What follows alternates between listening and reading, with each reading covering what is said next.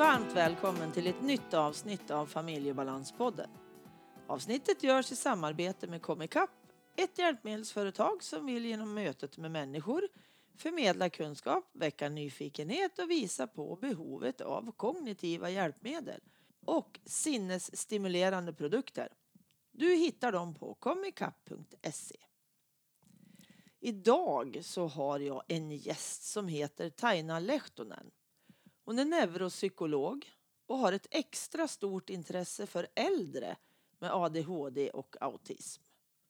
Och vi behandlar livsloppsperspektivet i det här avsnittet och om hur viktigt det är att komma ihåg att ADHD och autism och även andra MP-diagnoser ofta följer oss livet ut.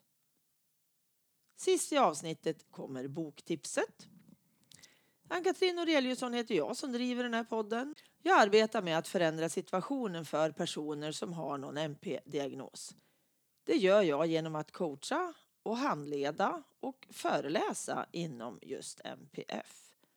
Och det gäller ju även för mig att jag vill se livsloppsperspektivet från vaggan till graven.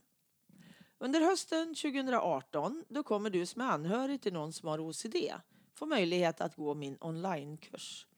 Att vara anhörig till någon med OCD det är ofta väldigt krävande och du behöver kunskap för att inte förvärra symptomen och därmed situationen för den som har OCD.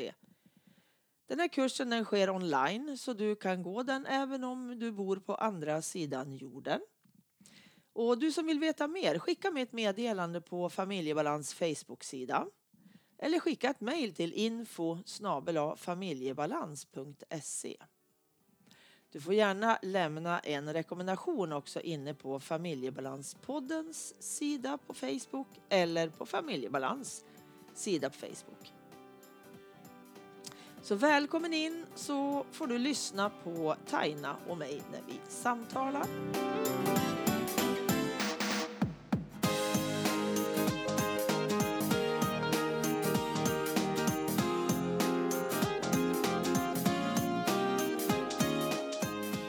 Taina! Hej Ann-Katrin! Alltså det här var helt otroligt alltså. Hur länge ska vi hålla på innan vi får till det? Det är underbart. Ja, det var, det var svårt alltså både igår och idag. Men nu hoppas jag att vi riktigt är på banan. Ja, det är vi Du nog. är så välkommen in till Familjebalanspodden. Åh, tack så hjärtligt. Berätta lite om vem du är Taina. Ja, eh, eh, lite kortfattat så är jag psykolog och jag är neuropsykolog, det vill säga specialist i, i neuropsykologi och eh, disputerade 2013 på en avhandling om ADHD hos äldre. Mm. Det är väl kortfattat eh, vem jag är. Mm. Men du sa neuropsykolog va? Ja, Och vad är innebörden av det? Vad, vad är Ja. man då?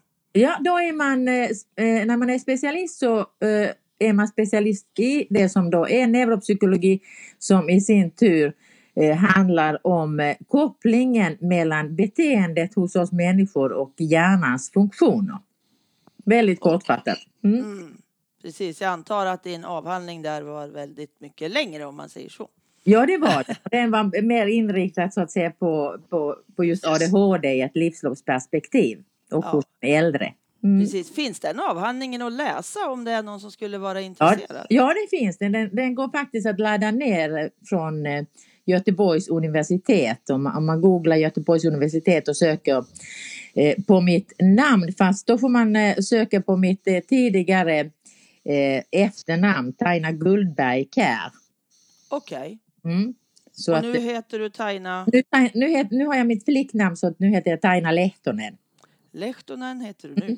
Ja. Precis. Men du brinner ju för äldre och, och inte kanske NPF rakt av utan ADHD autism va? Ja, ja överhuvudtaget intresset, eh, eh, det som jag brinner för är eh, så att utvecklingsrelaterade avvikelser livsloppsperspektiv där vi har både då ADHD och autism. Men det som jag kan bäst det är, det är då självklart ADHD som, som jag är mer kunnig i än, än så att säga de övriga tillstånden. Mm.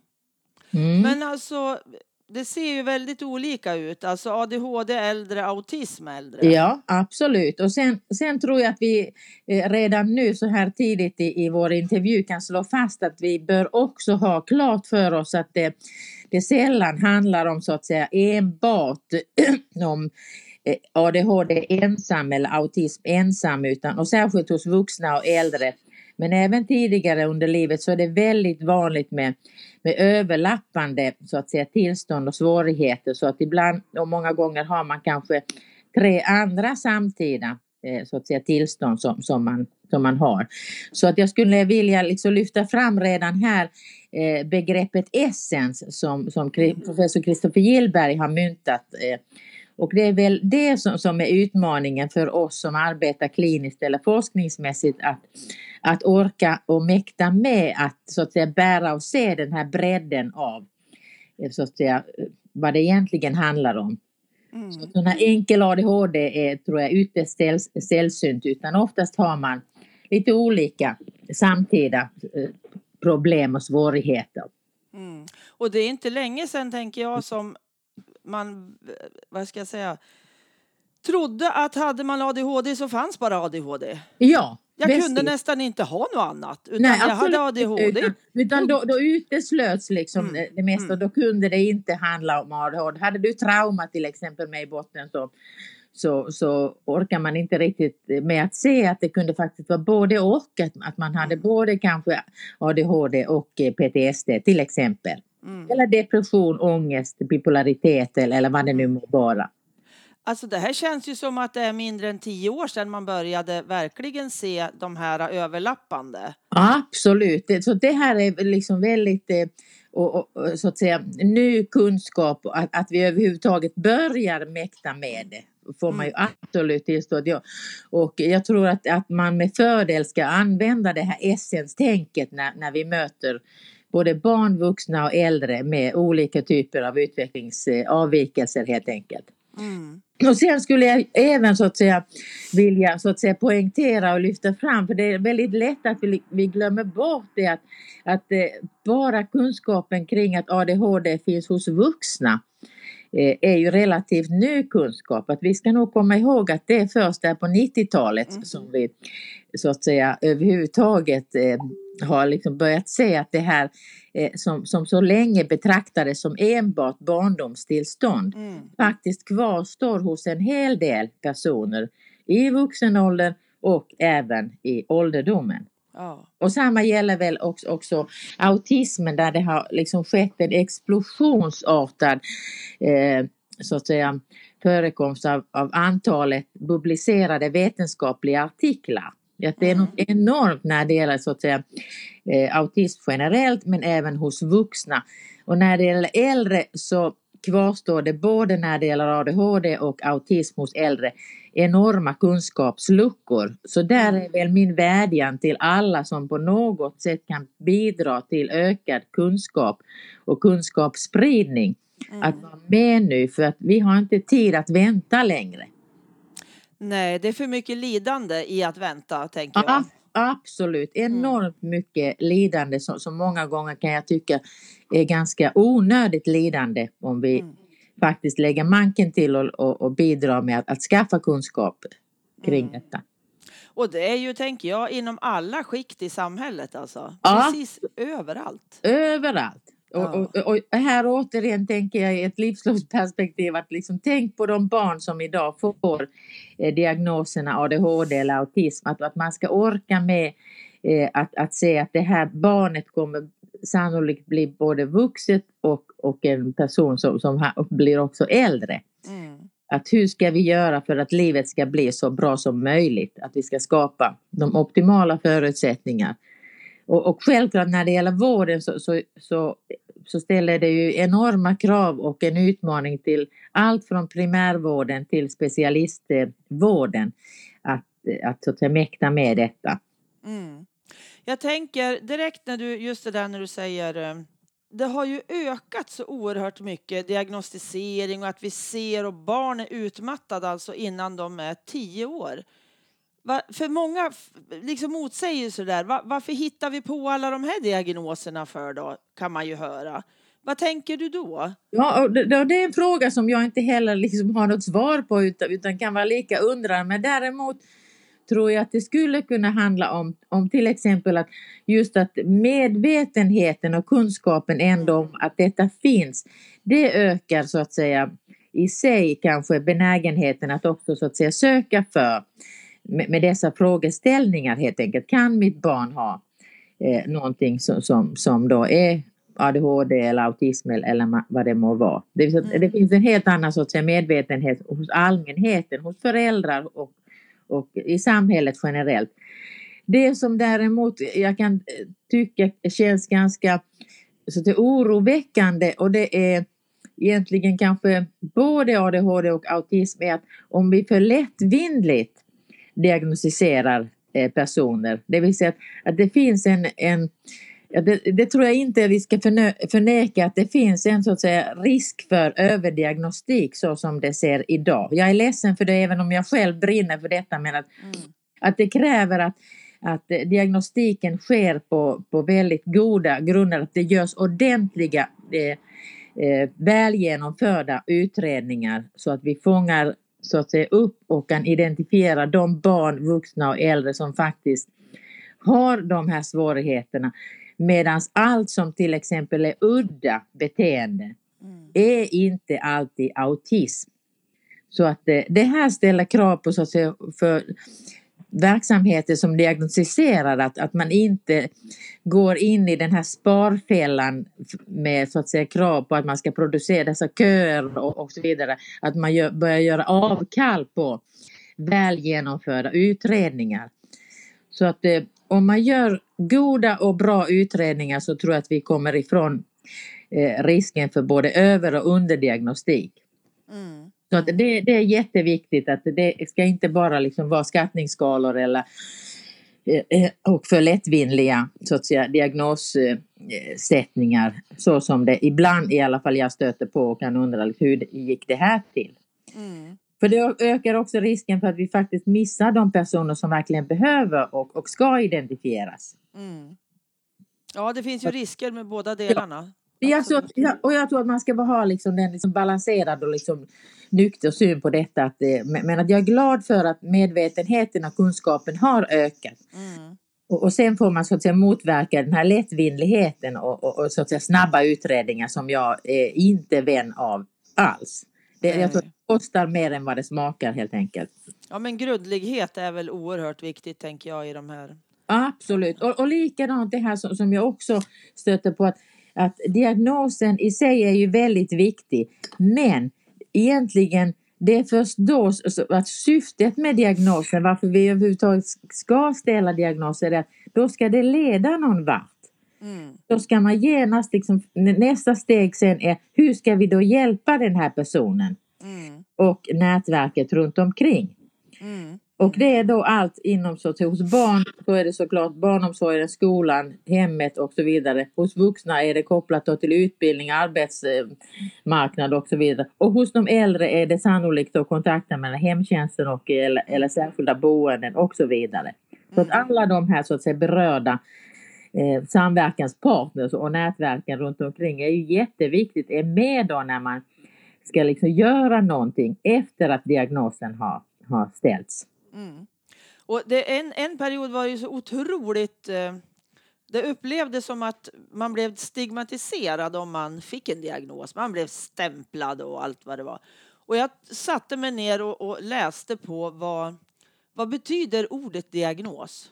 Ja. Det var väldigt spännande, för jag såg det som, det är ju en ren bruksanvisning. Ja. ja. Alltså särskiljande behov, vad har den här för särskiljande behov och tecken? Precis, ja. Alltså dia ordet diagnos blev alltså skämmigt. Ja, ja, ja. Och det, det, är ju den vi ska använda. Det är ju då arbetet börjar. Eller hur, det är då det börjar. Så att, ja. så att diag, exakt så. Att, men nu har det blivit sån här fixering mer vid att vi ska sätta en diagnos. Men, men sen hur mycket har man tänkt, vad ska det leda sen ja. till? Det är mm. då det börjar. Mm. Och, och, det ska också följas upp för när det gäller eh, ADHD och, och, autism så att säga, symptombilden och bekymren och, och beteenden, de varierar också under livets gång. Mm. Mm. Att det är också att det som man såg hos en sjuåring ser inte alls nödvändigtvis eller med största sannolikhet likt hos en 15-åring eller 25-åring eller Nej. 45-åring eller 75-åring. Nej. Så det måste vi också så att säga orka med, med, att, med att säga att, att det här är, gäller med att följa upp och, och utvärdera hela tiden effekten Mm. vi faktiskt gör. Mm. Och det ser jag ju väldigt tydligt på min son då som är 28 idag. Ja, Han fick sin, alltså utredningen var klar när han var åtta. ja, Och då var det ju, han, han har ju flera diagnoser och just då var det ADHD som var den explosiva delen i honom. ja, Och under åren, det har ju gått 20 år nu sedan han utreddes och jag ser ju hur, hur det har ju växlat. Hans ADHD är ju inte alls hans största problem idag. nej, ja, och det, är- nu, då har, något, då har liksom hans tvång kommit och tagit över för den diagnosen fick han nästan samtidigt som ADHD. just det. Men den har eskalerat efter när ADHD har backat tillbaka lite Ja. eller om OCD har tagit plats. det är Just svårt det. att veta också. Ja, exakt, och det är och det är väl jättefint du beskriver detta Ann-Katrin, för där måste vi liksom vara, vara med och liksom orka se de här just samtida komorbida tillstånden och Mm. liksom hjälpa där hjälp behövs i, i så att säga varje skede och fas i livet. Mm. Det som är på något sätt vitsen med liksom väl genomförd diagnostik, att det också bär hela vägen. Ja, men exakt. Precis så. Och det känns ju som att vi inte riktigt är än. Nej, vi är inte där alls. Nej, Tyvärr. Där har vi en bit kvar. Och jag tänker Marcus eh, utreddes ju då 97, fick sin diagnos 98. Ja, Och då var det ju en barndiagnos, precis Ja. som du sa tidigare. Det var ju ingen som tänkte att han skulle bli vuxen och 28 år och ha enorma problem fortfarande då. Ja, precis. Och, och det, det är bra att liksom ha lite i åtanke att det här, och så där kan man ju ha viss förståelse för att, att vi liksom, att det här är relativt nytt. Men Mm. idag, 2018, tycker jag att, att vi ska begära så att det är mer av att orka se det här liksom hela och, och, och liksom komplexa människan med, med allt vad det innebär. Mm. Både styrkor och svårigheter som, som de här eh, säga, tillstånden innebär i livet. Mm. Och jag tänker också då när vi tittar liksom på eh, livsloppsperspektivet. Det, alltså, det måste ju handla om några år sedan vi började fatta att 65 plus har kvar sin ADHD och autism. Ja. Och vart den tog vägen på vägen kan man ju undra. Ja, och, och där kan jag väl berätta lite då, liksom, framförallt kopplingar till, till så att säga, mitt eget avhandlingsarbete som, Mm. som egentligen inte alls var tänkt som ett avhandlingsarbete utan jag skulle eh, så att säga, göra mitt specialistarbete då för att bli en specialist i neuropsykologi. Mm. Då var det så här att, att jag eh, sommaren 2002 då jag hade återgått till att arbeta med, med så att säga, geropsykiatri i Hässleholm Mm. hade med mig så att säga, erfarenheten av att inom vuxenpsykiatrin i Lund, inom psykosvården, har träffat eh, så att säga, vuxna med eh, ADHD och autism. Och det här var rätt nytt där i slutet av, av, av 90-talet då att vi liksom överhuvudtaget insåg att ja men herregud detta finns hos dem, hos de vuxna. Och det hände mycket och, och har hänt sedan dess. När jag då återgick till att jobba med äldre igen så minns jag sommaren 2002 då vi hade en äldre kvinna som skulle utredas för misstänkt begynnande demens. Och eh, när jag hörde hennes livsberättelse så tyckte jag att det här liknar ju någonting som, som jag skulle misstänka, kan det vara ADHD hon har med sig, i alla fall i botten? Och då, jag, då var jag liksom tänkte, ja men då ska jag söka, det måste finnas, detta var 2002 då märk väl, att det måste ju finnas någonting beskrivet som skulle kunna hjälpa mig i det här arbetet med att utreda den här äldre kvinnan.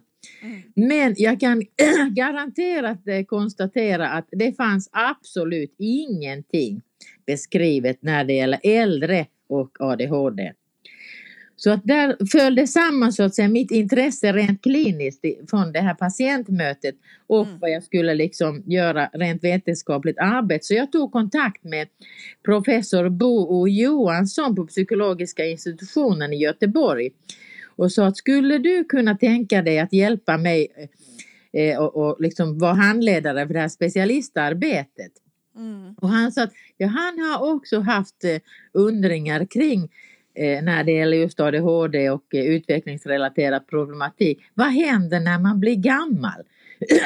och han uppmuntrade mig att, att istället för att bara göra det här specialistarbetet så tyckte han, med varför inte göra ett avhandlingsarbete med ADHD hos äldre som, som så att säga som frågeställning. Mm.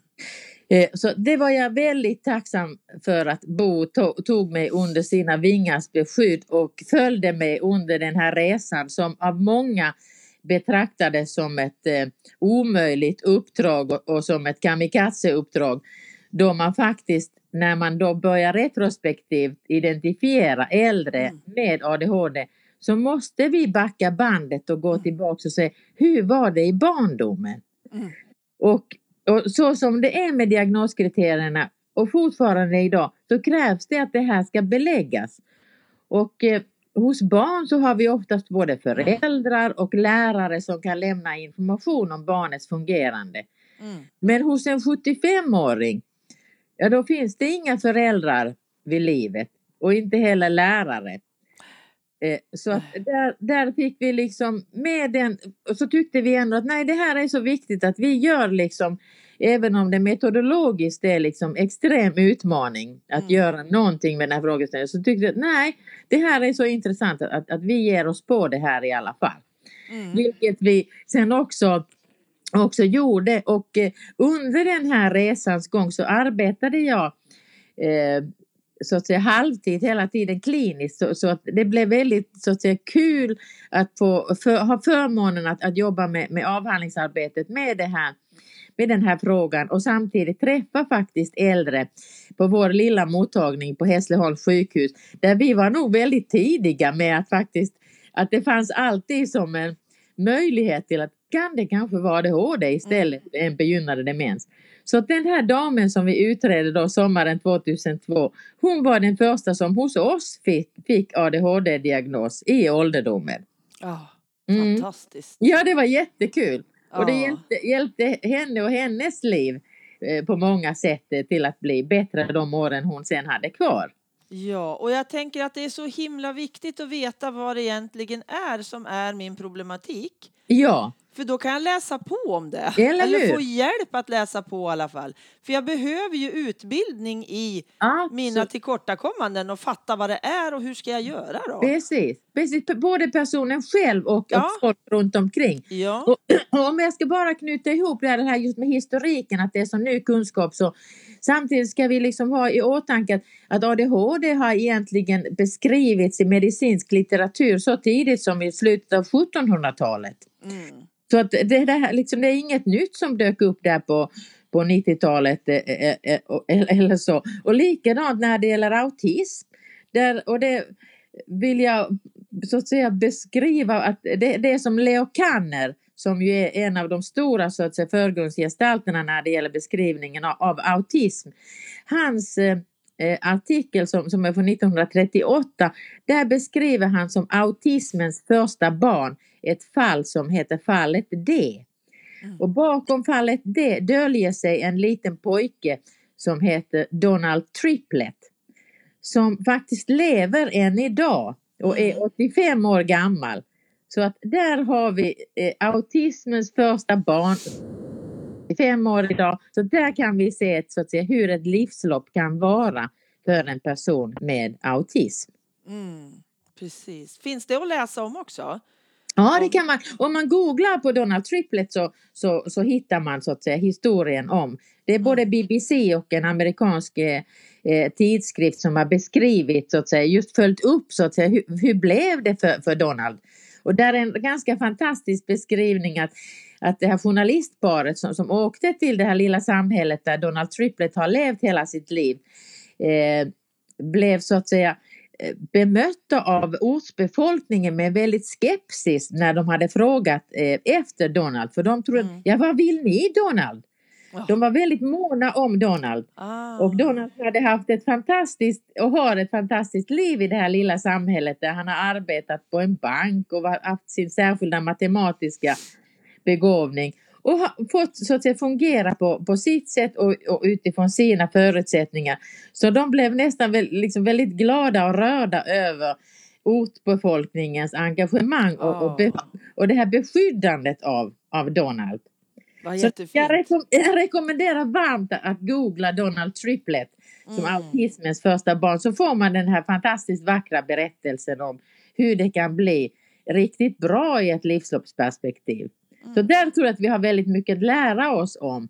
Mm. Både när det gäller så att säga när äldre då bemöt, bemöts och bemöter hemtjänstpersonal eller, eller personal inom primärvården eller, eller vad det nu må vara, särskilda boenden. Och, mm. och där kommer ju också det här att eh, personalen som möter eller olika professioner som, som möter äldre med, med så att säga MP-problematik bör ges både utbildning och handledning för mm. att eh, liksom göra ett, ett bra jobb. Vilket mm. jag tror att, att med lätthet också kan göras. Men de här så att säga eh, satsningarna måste in och de måste så att säga grundas på politiska beslut. Mm. Att det här är så viktigt. Eh. Mm. Och inte minst med, med tanke på att Sveriges befolkning redan idag består till, till 20 procent av personer som är 65 år eller äldre. Mm. Vår befolkning blir inte yngre utan det är fler äldre och vi blir äldre. Oh. Så att vi har inte tid att vänta längre på de här satsningarna. Nej. Vi, vi säger ju att det är runt 5% som har ADHD bland barn. Men hur många bland vuxna? Är det samma siffra där eller? Alltså det som man har tittat, det som vi själva eh, liksom kunde beräkna är att att 3,3 procent ungefär skulle kunna ha kvar sin ADHD i, mm. även i ålderdomen. Det finns en holländsk studie där det har eh, prevalensen, förekomsten har varierat från 2,7 till 4,2 okay. beroende på om det är symptomatiskt eller syndromatisk ADHD. Mm. Så att säga, där någonstans, liksom, det är svårt att vara sådär exakt men, men att det finns en så att säga, stor andel mm. Ändå så, som vi ska så att säga räkna. Även om man skulle räkna så lågt som en procent mm. skulle vi ändå prata, så, så pratar vi omkring 20 000 personer i mm. Sverige. Mm. Och de, jag skulle vilja påstå att 90 procent eller 95 procent är inte identifierade som Nej. personer som, som, som har ADHD. Nej. Utan de har andra diagnoser och behandlas för någonting annat.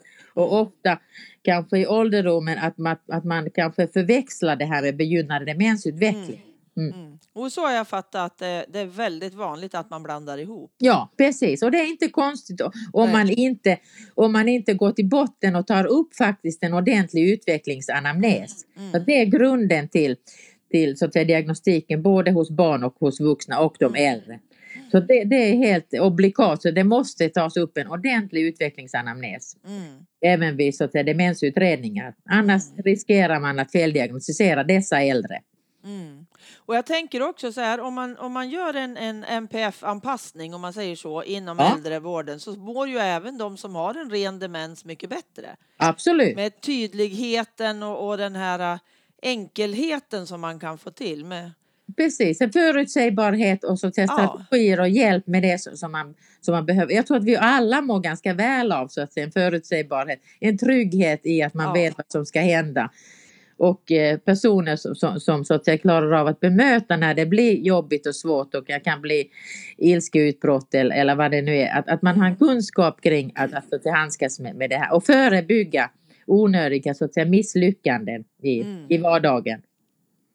Exakt. Ja, det finns mycket att jobba på här du. Ja, absolut. Och underbart att det, har, att det finns en start idag. Det finns ju liksom, du har ju gjort din avhandling så vi kan, vi kan få hjälp av den. Ja, jo det är, väl, det är väl hedrande att höra men framförallt så, så återstår det extremt mycket ja. så att, engagemang, att man öppnar upp ögonen för att det här finns eh, mm. och att de äldre är liksom, ska inte glömmas bort utan nu är det dags att vi orkar se just det här livsloppsperspektivet. Mm.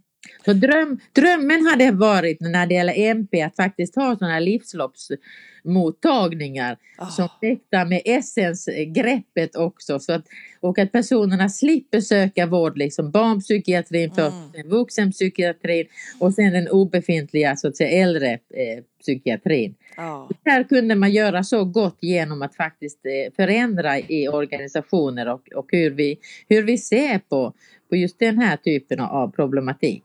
Ja. Och jag tror att det har varit också, förutom att minska lidandet och, och, och erbjuda bättre stöd och behandling, så, så, så tror jag att man faktiskt också skulle spara pengar. Så att rent hälsoekonomiskt och samhällsekonomiskt har vi ingenting annat än att vinna väldigt mycket för alla parter. Absolut. 100 procent är jag med där. Yes. Eller hund- 120 om det går. Så, och det är ju lite svar på, jag hade ju en fråga här om hur vi ska göra för att höja kunskapen inom Ja. äldreomsorgen och det är ju precis det du svarade Ja. på nu. Ja, ja precis. Att- Och jag tror att det kan vi starta med idag. Ja, exakt. Så det, det, vi ska inte vänta på det längre utan det är bara att sätta igång. Och alla kan vi bidra med, med, med våra insatser var vi än verkar. Mm. För, att, för att det här ska liksom skyndas på. För nu är det lite bråttom tycker jag. Vi är, redan, vi är redan rätt sent ute på det. Och jag tycker definitivt inte att vi har liksom tid att vänta, vänta längre. Nej, och, och just det här när vi nu vet att det är ett livsloppsperspektiv vi måste titta på. Ja, Och sen tänker jag det här, det finns ju en suicidrisk som är betydligt större när jag kommer upp i ålderdomen. Äldre män är väl de som är de, den stora Ja. delen. Absolut, det är jättebra du lyfter fram detta för, för självmord är verkligen det sorgliga så att säga priset för eh, som, som, som det ultimata och, och, det, det, man kan bli gråtfärdig Mm. över att det ska behöva gå, gå så långt. Och, och där skulle jag vilja också lyfta fram det som var resultatet Eh, i min avhandling och som är väldigt samstämmigt med resultat från en holländsk studie.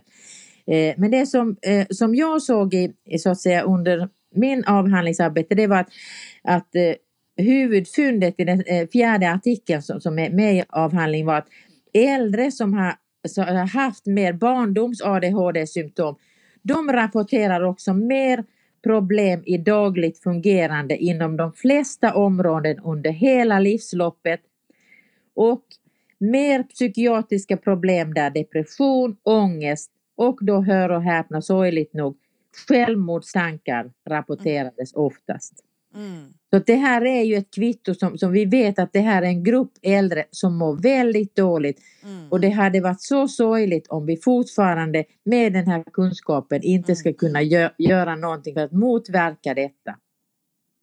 Absolut. Mm. Det är superviktigt. Superviktigt, för vi glömmer. Det är alltså inte att förringa att yngre också tar sitt Nej, liv. absolut inte. Det handlar liksom inte om motsättningarna nej, i det. absolut inte. Nej. Utan det är det här att vi behöver verkligen titta på all, andra delar av livet också. Ja, hela livsloppet. som- Ja, ja. hela tiden. Hela tiden ja. Från vaggan till graven ska vi mäkta. Jajamän. Ja. Mm. Oerhört viktigt tycker jag. Åh, vad det här har varit intressant, Taina. Ja, tack detsamma. tack detsamma Katrin. Eh, jo, jag tänkte ju det här med, men det har vi ju inte kanske något riktigt svar på, men det här med att finns det fler diagnoser som man kan blanda ihop med ADHD och autism?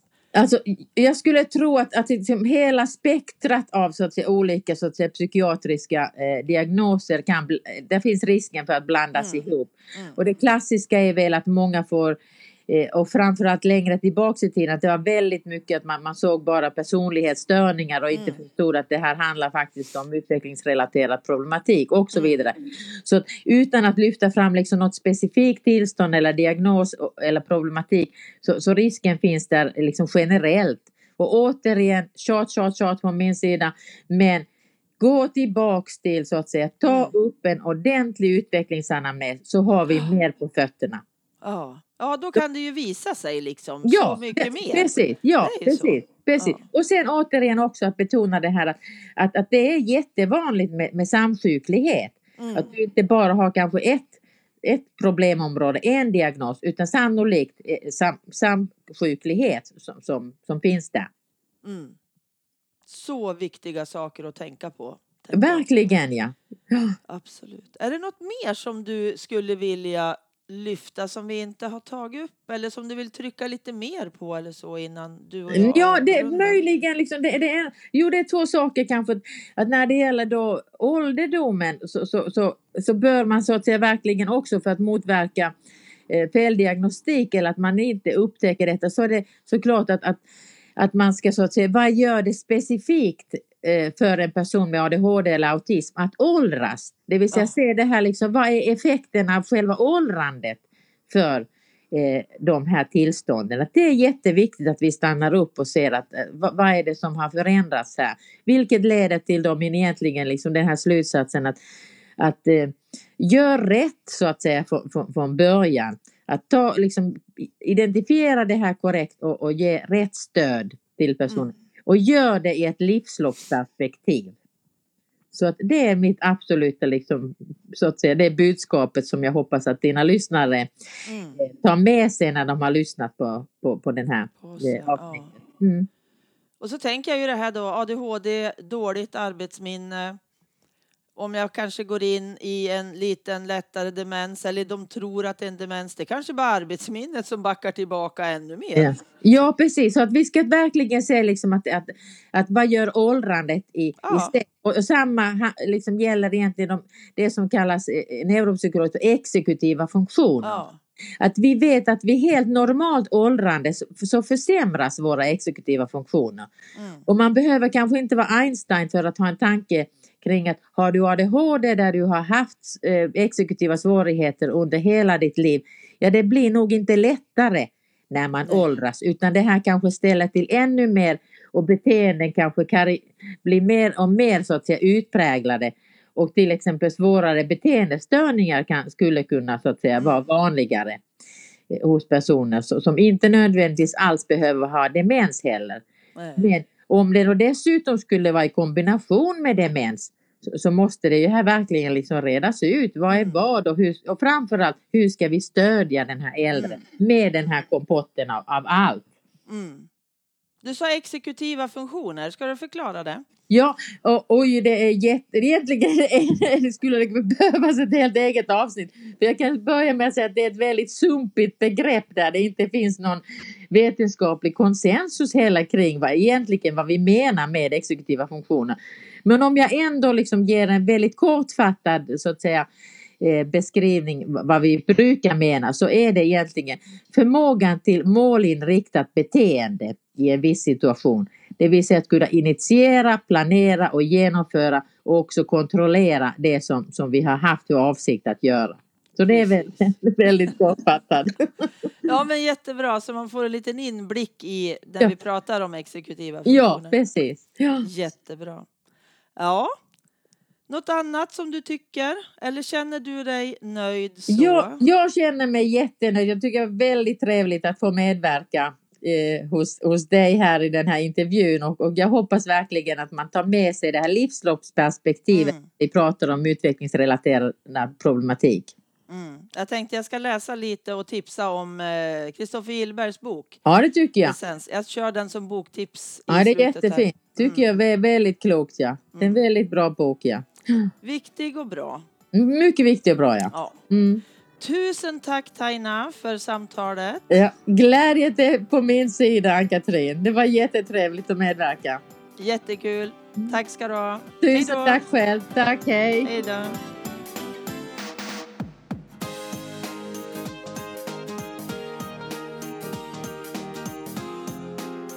Och här kommer boktipset.